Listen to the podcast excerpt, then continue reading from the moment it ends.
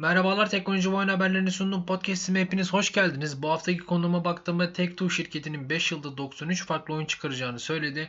E, Take-Two şirketi Rockstar Games, 2K Games gibi e, oyun kuruluşlarının üst kuruluşu oluyor. Yani bunları yöneten ve denetleyen e, kurum Take-Two şirketi yani aslında Rockstar Games Take-Two şirketinin sayılabilir. Take-Two şirketi kurul toplantısı düzenledi. Bu kurul toplantısında satış miktarları açıklandı. Pazarlama şekillerini söylediler ve e, gelecekteki planlarını kendileri belirlediler ve e, 93 farklı oyun çıkaracağını Tekno şirketinin CEO'su söyledi. E, şimdi ilk akla gelen tabii ki de GTA 6 çıkacak mı? GTA 6 ne zaman çıkacak? Acaba bu 93 oyunun içinde GTA var mı? E, bunları tabii ki de şu anlık biz bilemiyoruz. Ama bana kalırsa bence GTA e, bu yılda çıkmayacağını düşünüyorum ben. Zaten pandemi var ve bu pandemi yüzünden birçok sorun ortaya çıkıyor ve birçok çalışan daha fazla mesai yapması gerekiyor. Bu yüzden e, artık daha fazla sıkmak istemiyor olabilir Rockstar Games çünkü birçok düzenleme gerçekleşti e, Rockstar Games şirketinde. 2K e, Studio'nun da tabii ki de sahibi. E, buralardan da tabii ki de oyun gelecektir. Birçok oyun gelecektir.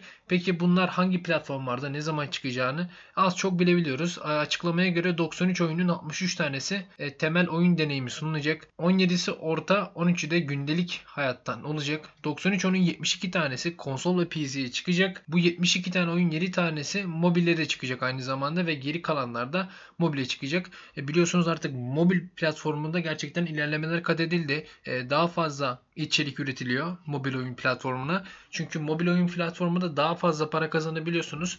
E, PC'de de tabii ki kazanabiliyorsunuz ama e, PC oyununu aldıktan sonra bir kere satın aldıktan sonra e, daha fazla para kazanamıyorsunuz. Ama mobil sektörüne baktığımda mobil sektöründe oyun satın alma çok fazla ve çok popüler bir durumda.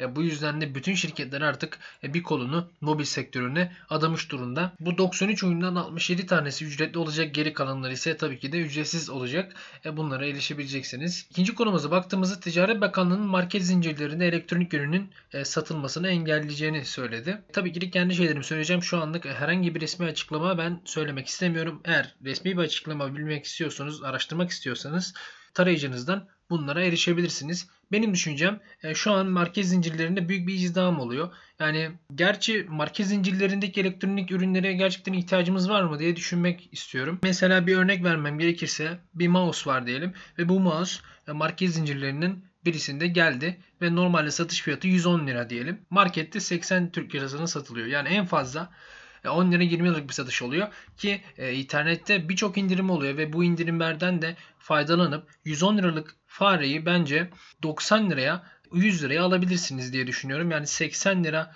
fark için e, bunları yapmaya gerek yok. Artık 2021 e, yılındayız ve 2021 yılında e, herkes her şeye erişebiliyor. Bu tür market zincirlerinde elektronik ürünlerin satılması e, nötr durumdayım ben ama insanların bu kadar fazla tepki göstermesi, onlara ulaşmak istemesi bence saçma. İnternette e, biraz araştırırsanız bence çok iyi indirimlerle karşılaşıp daha ucuza bile alabilirsiniz diye düşünüyorum ben. Biliyorsunuz Türkiye uzaya çıkmaya çalışıyor ve Ay'a e, bir astronot göndermek istiyorlar. E, Türkiye'nin milli uzay programı tanıtıldı.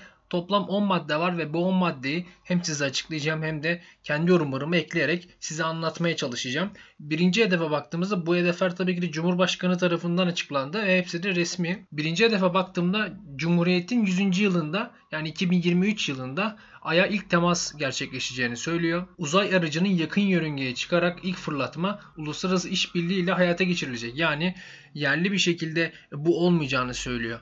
Yani uluslararası ortaklaşayla yapılıyor. E biliyorsunuz TürkSat 5A'yı da e, tamamen yerli yapmadılar. E, yanlış hatırlamıyorsam Alman bir şirketle ortaklaşa yaptılar bu uyduyu. Hedef 2'ye geçtiğimizde yeni nesil uydu geliştirme alanları dünya ile rekabet edilebilecek bir markalar çıkarmayı düşünüyorlar. Yani uydu teknolojisinde de ileri gitmeyi düşünüyorlar Türkiye olarak. E, biliyorsunuz özel sektörde en güçlü uydu şirketlerinden biri SpaceX.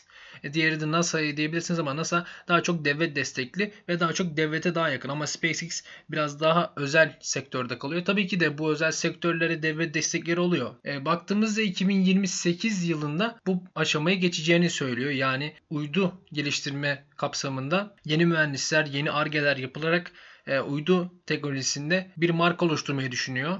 Cumhurbaşkanı. Hedef 3'e baktığımda e, Türkiye'ye ait bölgesel konumlama ve zamanlama sistemi geliştirmek istiyor. Dördüncü hedefe baktığımda uzaya erişim sağlamak ve bir uzay limanı inşa etmek. Yani yavaş yavaş e, artık uzayla ilişkimizi kurmaya çalışıyoruz. Beşinci hedefe baktığımda uzay havası ya da meteorolojisi olarak tabir edilen alana yatırım yapmak, uzaydaki yetkinliğimizi arttırmak. Yani uzay sektöründe daha fazla ilerlemeyi düşünüyorlar. Yani daha fazla şirketler oluşturup, daha fazla marka oluşturup, daha milli e, şeyler yapmayı düşünüyorlar. Altıncı hedefe baktığımda Türkiye'ye astronomik gözlemler ve uzay nesnelerinin yerden takip konularında daha ileri seviyeye çıkacağını söylüyorlar. Ee, yanlış hatırlamıyorsam bundan 1-2 yıl önce e, gözlem evlerini kapatıyorlardı. E, şimdi bu tür girişimler beni şaşırttı doğrusu. Yani bundan 2 yıl önce gözlem evlerini kapatırken şimdi gözlem evlerini açma ve e, astronomik gözlemler yapmak isteyen bir cumhurbaşkanı var. E, 7. hedefimize baktığımızda ülkemizde uzay sanayi ekosistemini daha da geliştirmek diyor. Yani uzay sanayiyi de geliştirmeyi düşünüyorlar ve hatta yani bu uzay sektöründe ithalat yapmayı düşünüyorlar büyük ihtimalle ve daha fazla e, döviz gireceğini düşünüyorum ben. Ülke ekonomisine de büyük bir katkı olacaktır. Ama e, bunu yapmak için tabii ki de iyi mühendisler, iyi bir arge planlama e, gerekiyor. Peki bunları nasıl yapacağız? Tabii ki de bu ülkede yetişen mühendislere ihtiyacımız var. Bu ülkede yetişen mühendisler şu an burada mı? Onun da cevabını siz verin diyorum. 8. hedefe baktığında bir uzay teknoloji geliştirme bölgesi kurmak istiyor Cumhurbaşkanı. Hedef 9 uzay alanında etkin ve yetkin insan kaynağımızı geliştirmek diyor. Yani daha fazla network edinmeye düşünüyorlar. Hedef ona baktığında bir Türk vatandaşını astronot olarak uzaya göndermek istiyorlar. Tabii ki de bu hedefler anlık bir şekilde yani bir yıl iki yıl sonra değil. Bu hedefler sırayla yerine getirilecektir. Dördüncü konumuza geçtiğimizde yine uzay sektöründen e, bir haberle karşınızdayım. SpaceX'in Starlink projesinden bahsedeceğim. Starlink'i şöyle bir açıklamam gerekirse e, dünyanın etrafında şu an e, yaklaşık olarak 1085 uydu geziyor ve bu 1085 uydu size internet sağlıyor. Nasıl internet sağlıyor? SpaceX'in yapmış olduğu bir paket var ve bu pakette uydu şeklinde bir çanak var ve bu çanağı e, sadece fişe takarak herhangi bir yere mobil olarak götürebiliyorsunuz, taşıyabiliyorsunuz da. E, bunları çalış bu uyduyu çalıştırdığınızda e, şu an 1085 tane uydu size internet sağlayarak her yerde internetiniz olabilecek. SpaceX'in hedefi 4400 tane uyduyu sadece bu internet hizmeti için uzaya göndereceğini söylüyor. Yani yörüngeye göndereceğini söylüyor ama şu anlık sadece 1085 uydu gönderildi. Peki e, Starlink'i nasıl satın alabilirim? Şu an Türkiye'de satın alabiliyorsunuz ama e, şöyle bir şey var. E, Türkiye özel bir fiyatlandırma yok. Yani global bir fiyatlandırma. Tabii ki de dolar bazında bir fiyatlandırma var. Starlink'in kitini kitini almak istiyorsanız 500 dolar vermeniz gerekiyor. 500 dolar verdikten sonra e, paketiniz olacak ve bu paket 99 dolara satın alabileceksiniz. Bunu tabii ki de dövizden dolayı Türk lirasına vurduğumuzda çok pahalı duruma geliyor. Ama bölgesel fiyatlandırmaya geçerse SpaceX bence bu durum düzelecektir. Şu an Türkiye'de fahiş fiyatları internet hizmeti sunan şirketler var ve bu şirketlerin önüne geçileceğini düşünüyorum ben. E, bölgesel fiyatlandırma gerçekten uygun olursa bence Türkiye'den iyi bir pazar payı elde edebilir SpaceX. Peki hızları ne olacak? Bunu aldıktan sonra bizim hızımız ne olacak? Şu anlıktan bahsedebiliyoruz. Çünkü daha birçok uydu e, yörüngeye oturtulacak ve ne kadar fazla yörüngeye uydu yerleşirse daha fazla internet hızları alabileceğiz. Şu anlık 50 megabit ile 150 megabit arasında e, download'ımız olacak.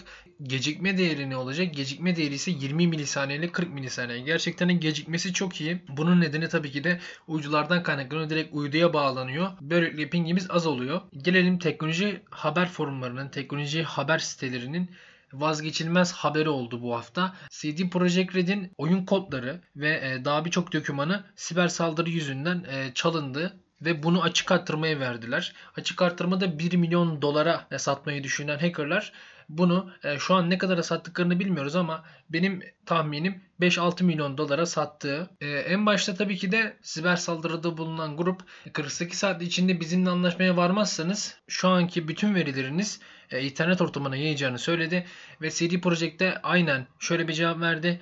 E, yasa dışı herhangi bir şey yapmak istemiyoruz. Bu yüzden de onlarla anlaşmaya varmayacağız. Yasal yollarla bu işi ilerleteceğiz dedi. Hemen sonra da CD Projekt Red'in oyun kodları ve daha birçok döküman açık arttırmaya sunuldu ve açık arttırmada 48 saat dolmadan bütün veriler satıldı. Ve şöyle bir olay da vardı. Witcher 3'ün e, RTX teknolojisi biliyorsunuz entegre edilmeye çalışılıyordu. Bu kodlar da satıldı. Bunlar açık kaynak kodlu. Yani e, şu an Witcher 3 Cyberpunk 2077 gibi oyunların açık kaynak kodlu olması satın alan kişi bu oyunları e, değiştirebilir ve şöyle de ve hacker grubu da şöyle bir şart koştu. Bu dosyaları aldıktan sonra satamayacaksınız dedi ve e, şu an kime satıldı, ne kadar satıldı hiç kimse bilmiyor. E, CD Projekt'te bunun üzerine herhangi bir şey de demedi.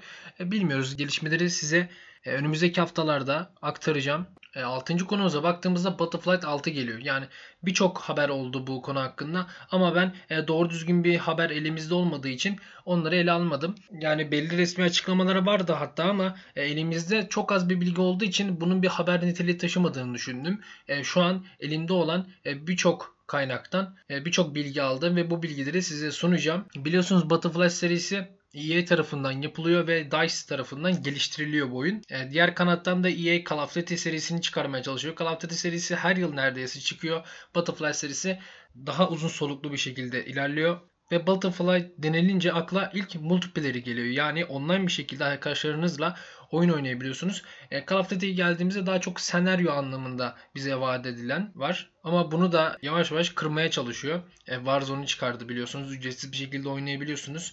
E, Battleflight'a geldiğimizde de şu an e, online sunucular gerçekten çok aktif. Hala e, Battleflight 3 Battlefield 4 gibi oyunlar hala aktif bir şekilde kullanıcıları var. Oynayabiliyorsunuz. EA'in CEO'su oyun hakkında oyunun haritaları çok büyük olacağını söyledi. Yani e, daha fazla harita mı yoksa daha büyük haritalar mı? Bunu tabii ki de ilerleyen zamanlarda bize bilgi vererek aktaracağım size. Şu anlık sadece büyük bir dünyası olacağını söyledi. Ve şöyle e, bir olay var. Hardline'da biliyorsunuz binaların hangi noktalarında vurduysanız o noktalarda e, yıkılmalar oluyordu. Yani fizik motoru daha gerçekçiydi. Ama diğer Battleflight oyunlarında e, belli bir noktalarda belli küçük duvarlar yıkılabiliyordu. E, ya tamamen bina yıkılabiliyordu ya da e, küçük duvarlar yıkılabiliyordu. Yani gerçekçi bir fizik motoru yoktu. Battleflight 6'da bu gerçekçi fizik motoru tekrardan getirecekler ve daha gerçekçi bir oyun deneyimi kullanıcılarına sunacağını söylüyor. Battleflight 6 bu yılın sonunda Kasım ve Aralık aylarında çıkacağı düşünüyor. Çünkü Battleflight oyunlarının neredeyse baktığımızda Aralık ve Kasım aylarında çıkıyor. Ve tabii ki de güncel teknolojileri barındıracaktır. Battleflight oyunlarının hepsini oynadım. Gerçekten de ben e, hikaye anlamında gerçekten çok beğeniyorum. E, tabii ki de multiplayer anlamda da e, seven kullanıcılar var. Ben Battleflight'ın multiplayer'ini neredeyse hiç oynamadım. Tabii ki de deneyimlerim oldu ama Battleflight serisinde multiplayer oynamadım. Genelde ben Rainbow Six Siege'de online bir şekilde oyun oynuyorum. Siz de Rainbow Six Siege oynuyorsanız online bir şekilde sizlerle de beraber oyun oynayabiliriz. Tabii ki de benimle iletişime geçmeniz gerekiyor bu durum için. Ee, Instagram hesabım şu an açıklama kısmında ve podcast sayfamın açıklama kısmında bulabilirsiniz. Oradan benimle iletişime geçerek beraber oyun oynayabiliriz ve Instagram sayfamda aktif bir şekilde kullanıyorum. Oyun haberleri varsa yani küçük bir oyun haberi varsa ve bu haber niteliği o kadar fazla taşımıyorsa yani bölümlerime aktarmama gerek duymuyorsam oradan paylaşıyorum sizlerle beraber ve indirimler oluyor. Bu indirimleri size paylaşabiliyorum. Yani anlık olarak sizlere haberleri ve avantajları sunabiliyorum. İsterseniz Instagram hesabıma girip oradan beni takip alabilirsiniz. 7. konumuza geldiğimizde Konami'nin 2009 yılında çıkaracağı bir oyun vardı. E, bu oyunun ismi Six Days'ti. Six Days bir Irak savaşını anlatıyor ve daha çok sivil hayatını anlatıyordu. E, Konami bunu yapmaya başladı 2009 yılında ama birçok tepki geldi ve bu tepki yüzünden Konami oyunu Konami oyunu iptal etti tabii ki de. Şu an 2021 yılında yeniden oyunu yapmayı düşünülüyor. Tabii ki de yapımcıları ve geliştiricileri artık yayıncılarını Victor'a yapacak. Geliştiricinin ise Highware Games yapacak. Oyun 2021'in sonunda çıkacağını ben düşünüyorum ki birçok insan da öyle düşünüyor. Irak'ın 2. Felluce Muharebesi'nden konu alıyor ve e, güzel bir fragmanı yayınlandı. Oyunu tekrardan yapacağına dair bir fragman yayınlandı. Bu fragmanı tabii ki de açıklama kısmında bulabilirsiniz. Victor'un CEO'su da şöyle bir açıklama yaptı. Sahte yerlerde sahte şeyler yaparak sahte insanlar yüzünden savaşın gerçekten neye benzediğini anlamak çok zor. Bu nesil Irak'ta büyük bir cesaret ve fedakarlık gösterdi. Şimdi de yılın en büyük olaylarından birinin anlamamız için yeni bir yol sunuyoruz diye bir açıklama yaptı. Yani Irak Savaşı'ndan bahsedecek. Irak Savaşı'nda e, daha çok sivil tarafından neler oluyor? E, siyasi anlamda değil de e, siviller ne durumdaydı?